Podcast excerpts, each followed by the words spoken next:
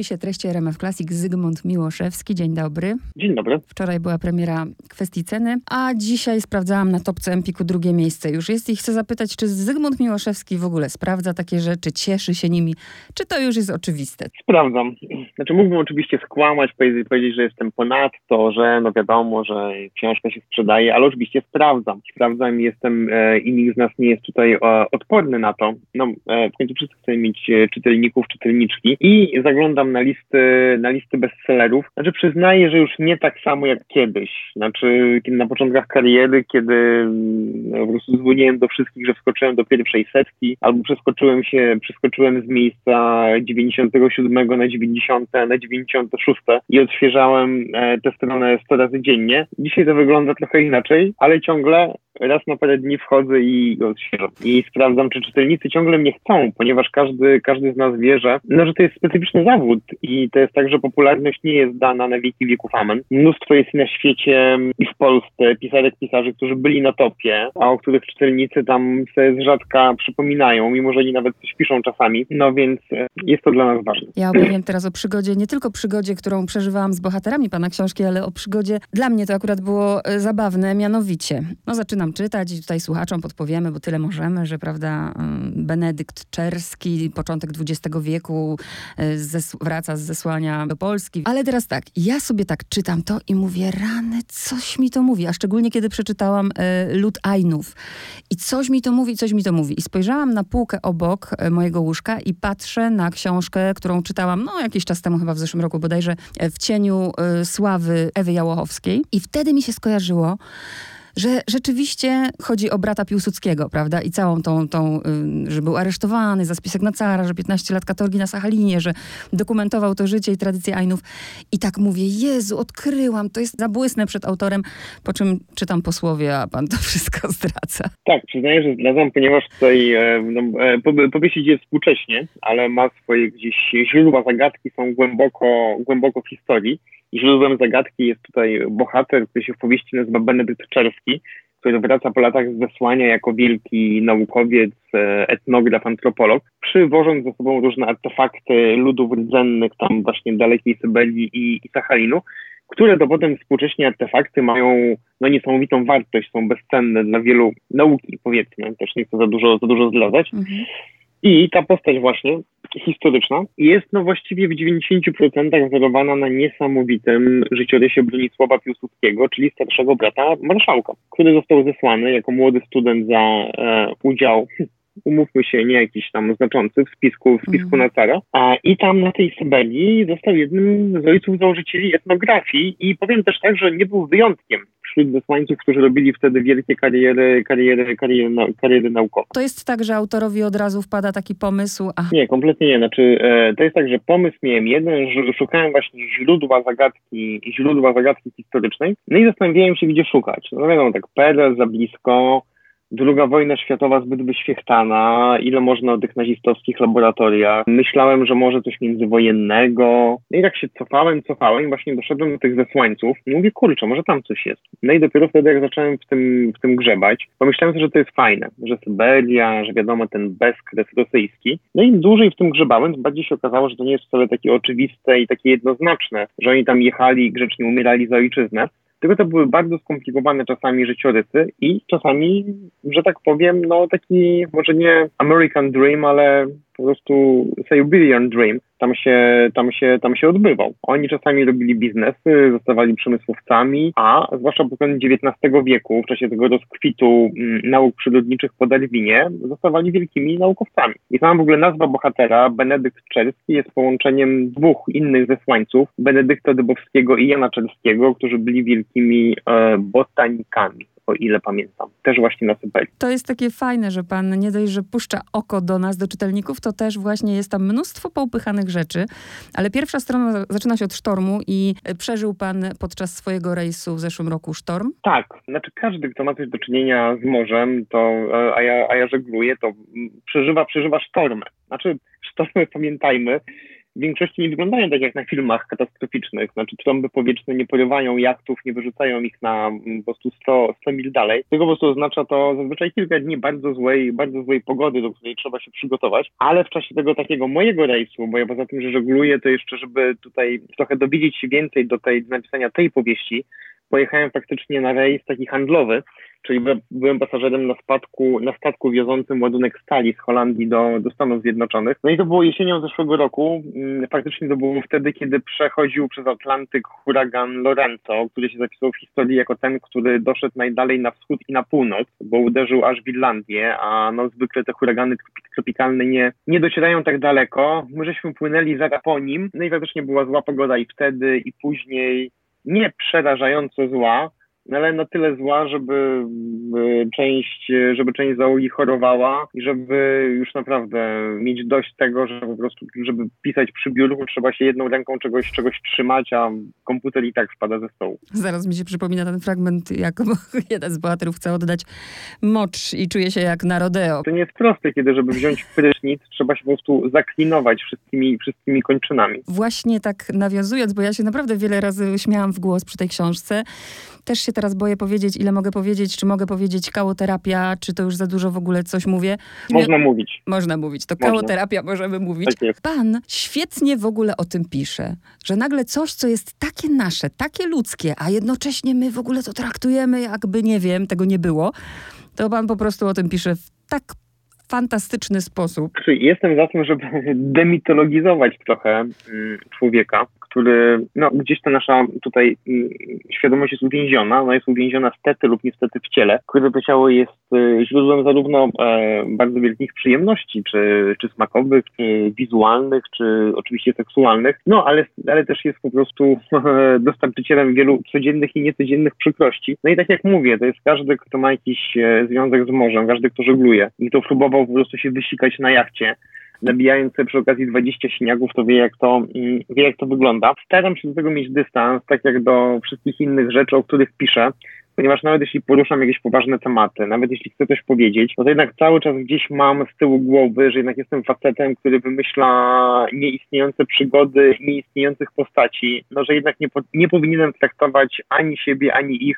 zbyt poważnie. To też mogę powiedzieć, bo nie zdradzam nic słuchaczom, mówię, jak będziecie czytać, kiedy bohaterka w kombinezonie unosi się na wodzie i ma pewną potrzebę, nad którą się zastanawia, to też było świetne. Teraz tak, będę zadawać takie trzy krótkie pytania, na takiej zasadzie kawa czy herbata, a pan kawa czy i tak dalej dalej. Ale one oczywiście będą też nawiązywać do tego, o czym za chwilę dalej będziemy mówić. Przyszło mi 100 tysięcy nieprzyzwoitych dowcipów do głowy i nie powiem żadnego. Słucham, proszę strzelać. Dobra, w prawo czy w lewo? W lewo. Schabowy czy sojowy? A, ani jeden, ani drugi. Staram się przynajmniej nie jeść mięsa i jakby schabowego, czyli po prostu dziwnego kawału mięcha już nie jadłem od, e, od lat, ale nie jestem w stanie jeść tych po prostu dziwacznych podróbek mięsa.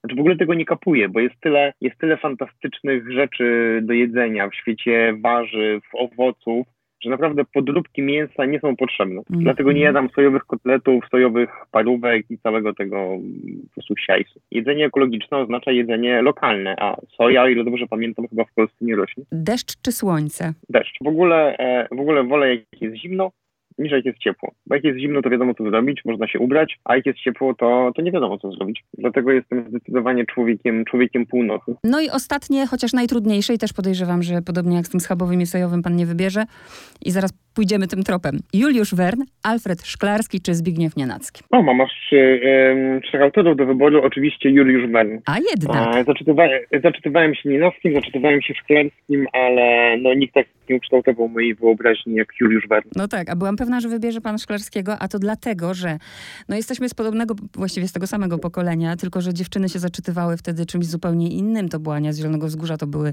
e, Musierowicz, Siesicka, aczkolwiek zdarzyło mi się, że czytałam Tomków, no i chcę zapytać, czy Smuga, Jan Smuga to ulubiony bohater? E, tak, znaczy oczy, o, oczywiście nie jest przypadkiem, że to jeden z głównych bohaterów tej powieści, kwestia sceny, nazywa się Bogdan Smuga. Tamten Smuga nazywał się Jan Smuga z serii o, z serii o Tomku Szklarskiego. No i oczywiście to jest specjalnie, tak, ponieważ gdzieś tutaj ta powieść jest trochę ukłonem w stronę takiej, no właśnie starych powieści przygodowych, stąd te wątki modernistyczne, które były wszędzie u Werna, stąd ten Smuga, żeby w tym pobrzmiewało echo tej, tej wielkiej przygody, tej eksploracji, eksploracji tego wyruszania w nieznane wytyczania nowych, nowych dróg. No bardzo, bardzo chciałem do tego, do tego nawiązać, ponieważ to są święte lektury mojego dzieciństwa i nie ukrywam, że to one mnie ukształtowały. Tak właśnie pomyślałam, że to taki ukłon, bo rzeczywiście tam, jak w najlepszych y, przygodowych książkach, co chwilę właściwie coś się dzieje w pana książce, ale też jest kolejne pytanie, bo jest dowcipna książka i czy nie, nie obawia się pan albo nie obawiał, że no ludzie pomyślą, ci, którzy bardzo poważnie traktują to, co się w tej chwili dzieje na świecie, że pan się tak trochę naśmiewa z pandemii. Nie, nie naśmiewam się z pandemii. Znaczy, sam jestem na kwarantannie pandemicznej, ponieważ miałem kontakt z osobą, która, mm, której test wyszedł pozytywnie, więc absolutnie nie jest mi do śmiechu, no ale uważam, że znaczy, gdybyśmy chcieli być bardzo poważni, to mm, biorąc pod uwagę nasz domyślny tryb, który polega na Mm, czasami trudnym i znojnym życiu, które jest bardzo krótkie, a kończy się chorobami i śmiercią, to byśmy się nie uśmiechnęli absolutnie nigdy. No tak. Książka oprócz tego, że tak jak mówię, puszcza pan oko w wielu momentach i jest też bardzo dowcipna, no to dotyczy ważnych spraw, bo w sumie chyba na drugim miejscu wśród grzechów głównych chyba chciwość jest na drugim, a tu chciwość jest jakby tym grzechem, który staje się przyczyną wszystkiego, do czego świat znaczy, doszedł. Tak, to jest jak mówi jeden z bohaterów, chciwość, chciwość doprowadziła nas do krawędzi zagłady i chciwość właśnie nas za tę krawędź e, wypycha. I to jest praktycznie mój pogląd, ponieważ moment, w którym obserwujemy no, mm, wszystko to wskazuje, że koniec cywilizacji. Pytanie, czy on będzie raczej szybciej, czy raczej później, ale nawet to później, to jest perspektywa raczej dekad niż, e, niż wieków. No jesteśmy tutaj przez, przez chciwość. To, że chcemy mieć więcej, że chcemy mieć wygodnie, że chcemy mieć inaczej. Ja zawsze podaję ten przykład, że wszystko poszło nie tak. Skoro ja, siedząc teraz w centrum Mazowsza, uważam, że moim naturalnym śniadaniem nie jest czarny chleb z czarną rzepą, e, skądinąd bardzo zdrową, tylko sok grejpfrutowy i chlebek ryżowy z awokado. Przy tej książce można po prostu porozmawiać o wielu rzeczach między innymi o chciwości, o wielkich korporacjach, o tym, do czego dąży ten świat, ale też zbliżamy się do 28 czerwca i bardzo też można wyczuć pana poglądy w tej książce i, i, i, właśnie dlatego zapytałam w prawo czy w lewo. Gdybym chciał skręcić jeszcze bardziej w lewo, to bym się zderzył czołowo ze ścianą. Także tutaj absolutnie swoich, absolutnie swoich poglądów, poglądów nie ukrywam. Jestem, e, jestem socjalistą w takim duchu PP, PPS-owskim, w duchu Jacka, Jacka Kulonia. Cieszę się, że ten duch się inkarnował e, w postaci partii Razem, która sprawia, że mam po raz pierwszy w życiu chyba tak pełnym przekonaniem mogę na kogoś głosować. Bardzo mi jest przykro, że przez historię Polski każda, mm, każda lewica, każdy socjalista jest uważany za złego komunisty z Moskwy, ponieważ tak naprawdę cały dobrobyt zachodniego świata został zbudowany być może na kapitalizmie, ale na kapitalizmie, któremu założono kaganiec z demokracji. A z ciekawości też pytam, wczoraj oglądał pan debatę? O Jezu, oglądałem. Znaczy, ma, ma pani na myśli tę debatę, czy przyjdą po prostu homoseksualni uchodźcy i kupią za euro szczepionki, którym będą szczepić, której będą szczepić dzieci na święto, na pierwszą komunię. Oglądałem, e, oglądałem, tę, oglądałem tę debatę trochę jak z obowiązku, bo jednak ciągle uważam, że niezależnie od tego, czy wydaje nam się, że wiemy, na kogo głosujemy, czy nie wiemy, no to trzeba sprawdzać, co się dzieje w kampanii wyborczej, co, co kandydaci, co kandydaci, co kandydaci mówią. Ja osobiście uważam, że wczorajszą debatę wygrał Szymon Hołownia. Jeśli chodzi o merytoryczność Twoich wypowiedzi, o to, jak bardzo były one odpowiedziami na temat, a nie grą pomidora, to uprawiali, to uprawiali, to uprawiali inni. I na mnie bardzo, bardzo duże wrażenie zrobił jego wczorajszy występ. A zna pan osobiście, bo też się uśmiechałam niesamowicie w tych kilku fragmentach, zna pan osobiście, czy nie wiem, jesteście w przyjaźni z Adrianem Zandbergiem? Nie, nie, nie. Ja jestem wyborcą Adriana Zandberga i fanem, wcale tego, wcale tego nie ukrywam i odpowiadałem już wiele razy na to pytanie, że po prostu faktycznie gdzieś charakter charakteryzując bohatera jako rosłego, ponurego wikinga. Tak. Gdzieś go w jednym miejscu dla, dla żartu porównałem do Adriana Zandberga, tak. e, zgarbi, e, zgarbionego pod ciężarem cierpień klasy pracującej. No i gdzieś po prostu pierwsi czytelnicy powieści, tak mi się ten, ten dowcip spodobał, że powiedzieli weź to tam jeszcze, jeszcze kilka razy zrób coś takiego. No to zrobiłem, ale żeby było jasne, nie ze złośliwości, tylko właśnie mam nadzieję, że pan Adrian, któremu książkę wysłałem oczywiście z autografem, no jednak odbierze to jako, mm, jako znak szacunku od swojego wiernego wyborcy. No jak najbardziej, ja właśnie dlatego myślałam, że się jakoś przyjaźnicie, bo to było takie fajne oko i też y, trafne bardzo porównanie. A Martin Meller to ukłon w stronę Marcina Mellera, wybawcy? Tak, Marcin, e, Marcin wystąpił już w jednej z moich poprzednich książek, w Bezcennym, A no tak. No prostu, tak. Kiedy, kiedy był tam psychopatycznym zabójcą na zlecenie. No i poprosił, że w tej książce, żeby też się pojawił jakiś Martin, e, Martin Meller. No i się pojawia. Nie będę mówił jako kto, bo tak, musiałbym tak. za, dużo, za dużo zdradzić, ale uważam, że postać całkiem się, całkiem się udała. O i od razu pan, że tak powiem, nawiązując, przypominając mi, że był w bezcennym, nie tylko on, ale e, główna bohaterka, jedna z głównych, Zofia Lorenz. Więc na pewno pada to pytanie, czy to było w założeniu, bo można te książki czytać oddzielnie, absolutnie, ale czy w założeniu miała to być kontynuacja? To właściwie trudno, ja, kontynuacja, tak? Znaczy to są dalsze przygody po kilku latach tych samych częściowo bohaterów, no ale, mm, ale nie jest to taka kontynuacja. Znaczy, można te książki czytać kompletnie mm. oddzielnie. Ja po prostu bardzo chciałem wrócić do stylu bezcennego, bo ten styl gdzieś e, mi się podoba, takiej nowoczesnej powieści przygodowej e, o czymś z jednej strony próbuje sięgnąć do tradycji, właśnie tej wielkiej tradycji przygodowej, o której mówiliśmy, czy to Szklarski, czy to Wern, ale jest obejrzana, ale no tak, ale jest współczesna, współczesnymi technikami i opowiada o naszym świecie. No i pomyślałem, że skoro sięgam do tej samej stylistyki, to mogę też mm, sięgnąć częściowo do tych samych bohaterów. E, no i nie wiem, mam nadzieję, że to wyszło. I jeszcze y, kolejne nazwisko, czy to też ukłon, tak jak w stronę Werna i w stronę Szklarskiego, to ukłon w stronę Sapkowskiego, bo kwestia ceny? E, to trochę przypadek, e, ponieważ już jest druga moja książka, która nazywa się tak jak opowiadanie Andrzeja No tak, Prawdy. E, bo i Ziarno Prawdy i kwestia ceny. W obu przypadkach zdałem sobie, sobie, sobie z tego sprawę już po fakcie, kiedy tytuł był wybrany. No i nawet się, się przez chwilę zastanawiałem, czy to jest jakiś, czy to jest jakiś problem. Mm, ale pomyślałem, że jednak są to dość e, znane mm, związki frazeologiczne, tak? Co innego, gdybym użył tytułu, nie wiem, opowiadania Niezwykły przypadek Benjamina Batona. Więc postanowiłem te tytuły zostawić pisząc na końcu, żeby po prostu pan, e, pan Andrzej, któremu w ogóle książkę wysłaliśmy z wydawcą, odczytał to też jako wyraz hołdu, ponieważ uważam, że Andrzej Sapkowski jest najwybitniejszym autorem powieści przygodowych w historii polskiej literatury. O, proszę. I mówię to bez żadnej, bez żadnej przesady. Faktycznie, pana książki można czytać w taki sposób, ale można też właśnie widzieć e, tą zabawę z nami. Znaczy, no, ja piszę mm, dla czytelnika, dla czytelników, dla czytelniczek, dla czytelników, a nie dla siebie. Dla siebie to ja sobie czytam coś, co, co inni napisali. Także oczywiście zwracam się do czytelnika, wiedząc, że bierzemy udział w jakiejś grze. Że oczywiście, jeśli ktoś chce to przeczytać tylko i wyłącznie w jeden wieczór jako powieść przygodową, zabili go i uciekł, to jest możliwe. A, ale ja bardzo lubię e, swoje czytelniczki, swoich czytelników. Wiem, że oni dużo czytają no i możemy czasami sobie puścić do siebie oko, że jesteśmy no gdzieś w tej samej, w tej samej grupie. Ludzie, którzy czytają, którzy się posługują cytatami, aluzjami, którzy mhm. lubią gadać o tym, co przeżyli gdzieś przy tej, przy tej lekturze. Tak, to prawda. A co teraz pan czyta? E, teraz czytam Grzegorza Piątka, najlepsze, najlepsze miasto świata. Cudowna mm, książka. Czyli e, właściwie pozycję naukową o odbudowie Warszawy od 45, 45 do 39 roku. Jest to teoretycznie powieść naukowa, czyta się jak najlepszy mrożący krew w żyłach thriller. To od razu zapytam, bo Grzegorza Piątka też o to pytałam, bo pan y, jest właśnie w Warszawie. Co pan, ma, co pan widzi z okna? Ha, nie uwierzy pani, ale z okna widzę swoją szkołę podstawową.